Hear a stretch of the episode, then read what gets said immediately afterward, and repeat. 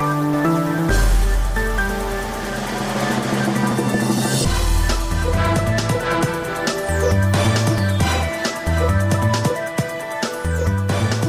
Радио Слободна Европа, програма на македонски јазик. Од студиото во Скопје, Зорана Гачевска-Спасовска.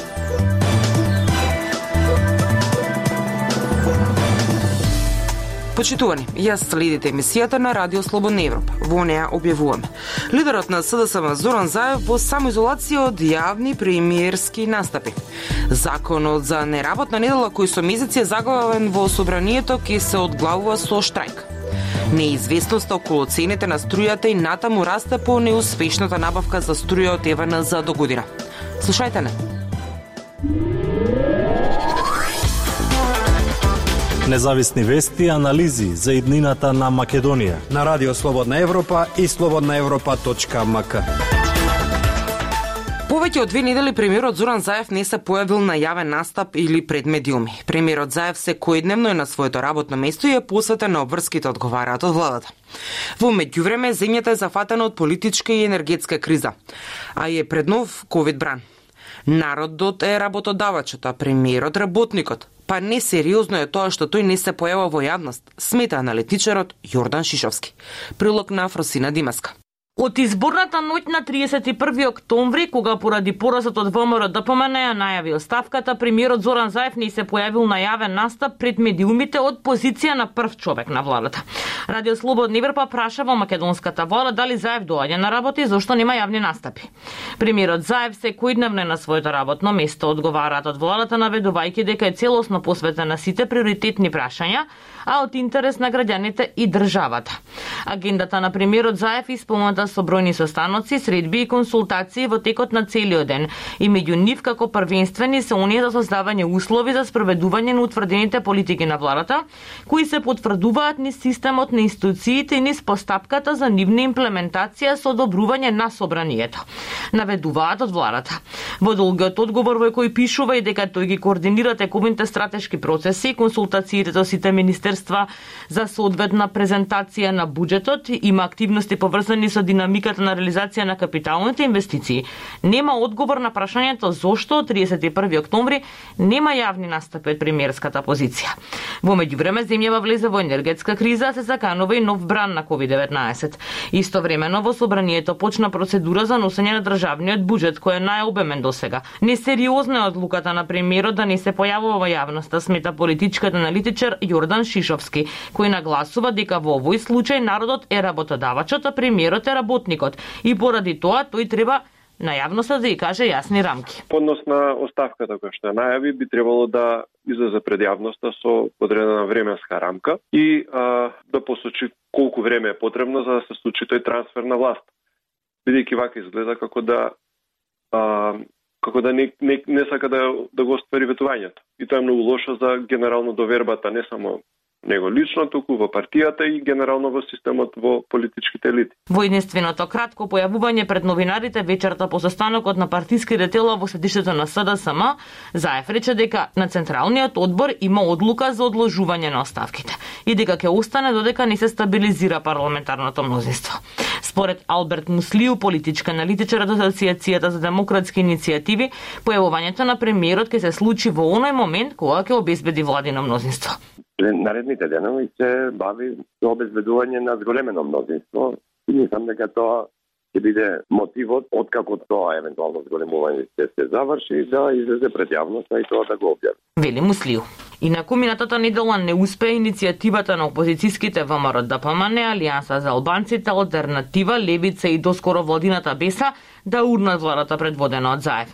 Опозицијскиот обид не беше успешен поради отсуството на пратеникот од Беса Кастриот Реджепи, поради што и немаше кворум од 61 пратеник за одржување на седницата.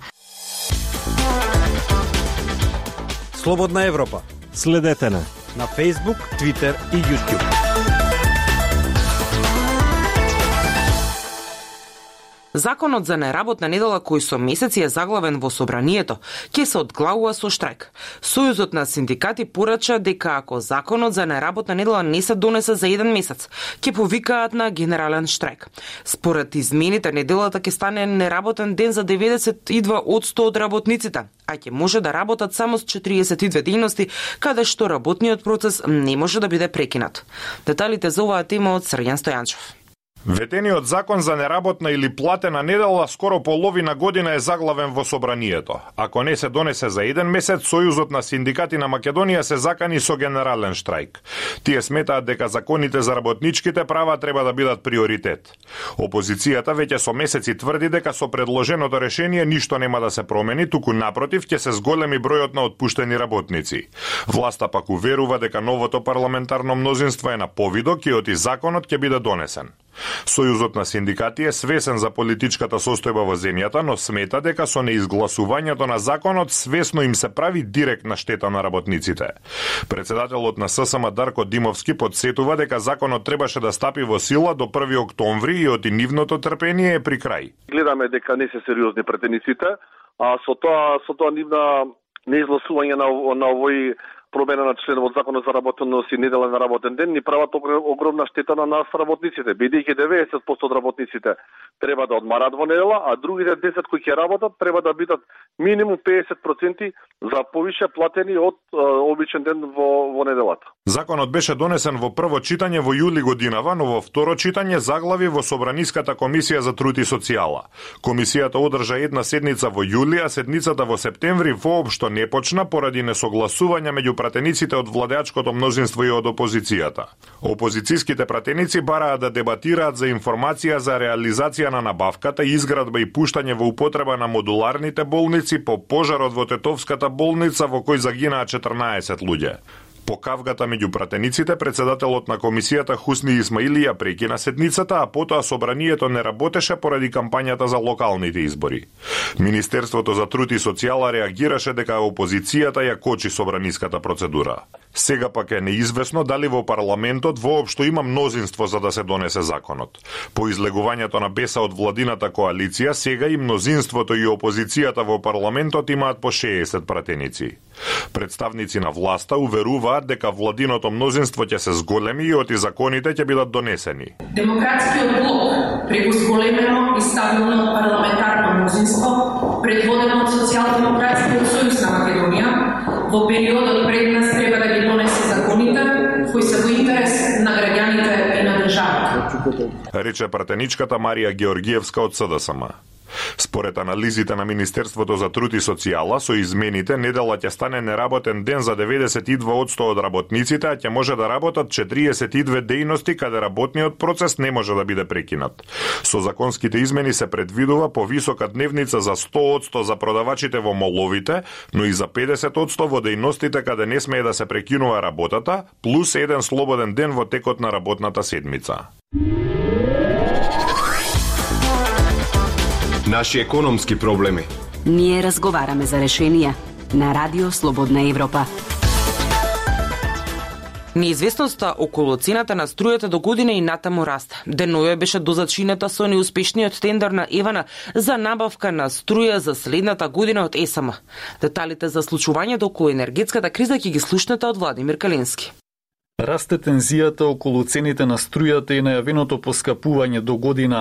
До тоа доаѓа и по неодамнешниот неуспешен тендер на Евана Хоум за набавка на електрична енергија за следната година. Редовниот доставувач АД Есама го прескок на последниот повик, а од компанијата не одговараат на новинарските прашања зошто не е дадена понуда на тендерот на Евана Хоум за обезбедување на струја за домакинствата и малите потрошувачи за 2022 година Радио Слободна Европа побара информации од генералниот директор на компанијата Васко Ковачевски, но до објавувањето на текстот не одговори на нашите повици и СМС пораки. Инаку на тендерот на Евана Хоум кој заврши вчера, АДСМ не даде понуда според која Евана Хоум потоа треба да ги определи цените по кои ќе им обезбеди струја на домакинствата и на помалите фирми. Евана Хоум во декември треба да распише уште еден тендер, а АДСМ законски обврзана на него да даде понуда. Овие тендери се распишуваат два пати годишно, еден во јуни и еден во декември. За сега не е јасно какви цени ќе понуди АДСМ на тендерот во декември, во услови кога земјава е погодена од енергетска криза поради големиот раст на цените на европските берзи. На тендерот кој Евана Холм го објави во јуни оваа година, АДСМ тогаш понуди најниска цена од 36,1 евро за мегават час – Од понудената цена на АДСМ ќе зависи колкава ќе биде крајната цена на струјата која Евана Холм ќе ја од граѓаните и помалите фирми. Поскапување и нови цени на струјата се очекува да има од јануари, според најавите на државните представници, но се уште не се знае колкаво ќе биде зголемувањето. Според Законот за енергетика, АДСМ треба да обезбеди 70% од потребните количини на струја за Евана Хоум – Откако ќе биде реализиран тендерот и финалните пресметки, крајната цена за домакинствата и малите потрошувачи потоа ќе одреди регулаторната комисија за енергетика. Земјава во моментов се соочува со енергетска криза главно од зголемените цени на берзите во Европа, поради што фирмите кои тргуваат со струја на слободниот пазар не се во можност да ја достават количината на струја која ја договориле со други фирми и државни институции. МЕПСО веќе направи милионски долгови за приклучување на европската енергетска мрежа, бидејќи го покрива недостатокот што го прават фирмите кои тргуваат на слободниот пазар. Од друга страна, во ситуација на зголемена поварувачка на струја, државата треба или да го зголеми собственото производство или да увезува струја по моменталните високи цени на берзите. За големите фирми и институциите да добијат струја по пониски цени, АДСМ распиша тендер за увоз на јаглен за термоелектраната Рек Битола, но набавката се уште не е реализирана, а во меѓувреме производството во термоелектраната во Битола беше запрено поради пожар, а државата потребната струја ја увезува. Актуелности свет на Радио Слободна Европа. Партијата промените продолжуваат, основана од дипломираните студенти на Харвард, според неофицијалните резултати од парламентарните избори во Бугарија, и нанесе шокантен пораст на партијата на поранешниот премиер Бојко Борисов. Но дали ќе успее да ги надмине пречките во составувањето влада? Пренесува Гоце Атанасов. Бугарија одржа три парламентарни избори оваа година за да излезе од политичкиот ќорсокак откако земјата беше потресена од протести кои започнаа во минатата година. Протестите беа предизвикани од гневот на јавноста поради и повеќе годишната корупција, што резултираше со крај на владењето на премиерот Бојко Борисов во април годинава. Двата предходни избора во април и јули завршија неубедливо, при што новите антикорупцијски партии се покажаа добро, но не и доволно добро за да состават коалиција и да соборат централно десничарската партија ГЕРБ на Борисов. Исто како и на минатите избори, нова антикорупцијска партија излезе како победник на изборите на 14 ноември за 240 членото Национално собрание. Но за разлика од минатите избори, оваа нова партија, продолжуваме со промените, може да има доволно сојузници за да формира коалиција.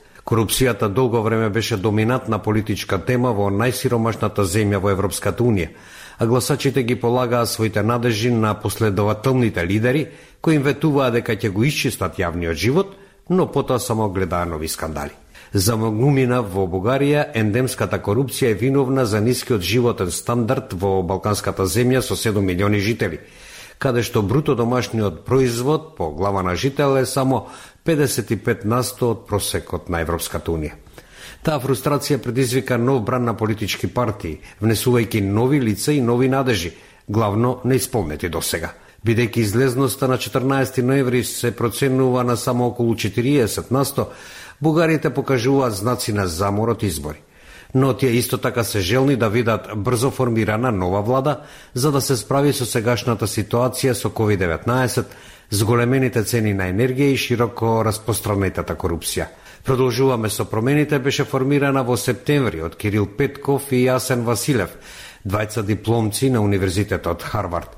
Петков, кој се откажа од канадското двојно државјанство за да се квалификува за функција во Бугарија, водеше успешна фирма за пробиотици. Василев е и предприемач и деловен консултант. Петков и Василев беа без партиска припадност околу 4 месеци како привремени министри за економија и финанси предходно ова година, освојувајќи поени кај јавноста за нивните напори да откријат незаконски постапки во државните институции под Борисов. Тоа беше се што ви подготвивме за оваа емисија. Со вас од студиото во Скопје беа Зора Нагажевска Спасовска и Дејан Балаовски. До слушање.